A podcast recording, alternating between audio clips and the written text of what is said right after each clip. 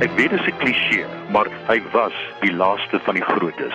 En nou het net die 103 jarige ster van Gone with the Wind, Olivia de Havilland, oorgebly as die enigste oorlewende ster van Hollywood se goue era van fliekpaleise, groot roppe en ateljee's, glans, pragt en praal en reuse filmsterre. Want Kirk Douglas is nie meer daar nie.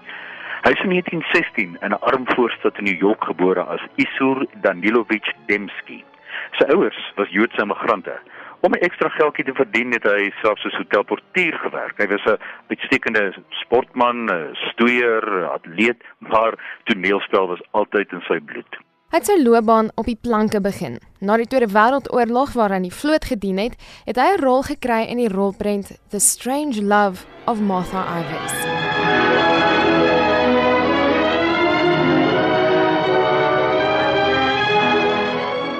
Die fliek wat ek toevallig so 3 maande gelede weer gesien het, en besef ek dat die charme, wat er gesag, trots, selfhaftigheid en manlikheid hierdie onverskrokke rolprentster gehad het. Nie aangedraaide macho manewale so sommige van vandag se jong manlike sterre nie, maar 'n ware rolprentster wat nie bedreig was deur ander manne op stel of op die skerm nie, wat seker van homself was. In 1956 het hy die rol van die kunstenaar Vincent van Gogh vertolk en lof ontvang vir sy sensitiewe spel. Douglas sal nie net onthou word vir sy vreesloosheid as akteur nie, maar vir sy uitstekende vermoë om moeilike karakters vleis om die bene op die silwerdoek te gee. Ek dink ook veral hier aan sy rol as 'n bevoeterde en verneinige rolprentvervaardiger wat mense, veral aktrises, misbruik het om sy loopbaan in die brutale vermaaklikheidsbedryf te bevorder.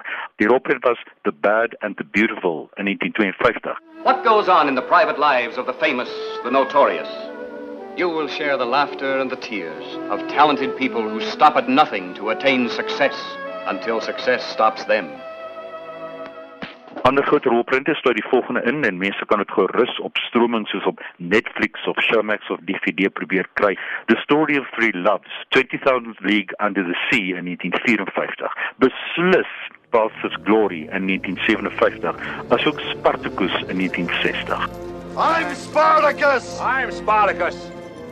Die film is natuurlik veral bekend wanneer daar gevra word wie Spartacus is, sodat hy ter dood veroordeel kan word en verskeie soldate opstaan om Spartacus te beskerm. I'm Spartacus. I'm Spartacus. I'm Spartacus. Een van die ikoniese tonele in die rolprentbedryf waarvan hy deel was.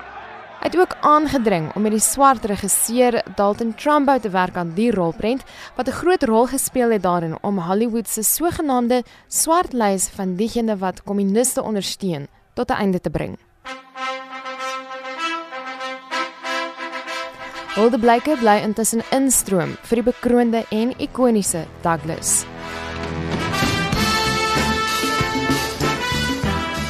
Sylvester Stallone beskryf hom as een van die laaste reuse en helde in die filmbedryf. Onthou, Douglas het ook in 1959 'n bokser soos Rocky gespeel in The Champion.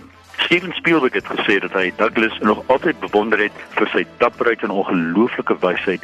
Catherine Zeta-Jones, wat met sy seun Michael Douglas getroud was, het haar hartseer uitgespreek. Mense het ook persoonlike boodskappe op briewe geskryf.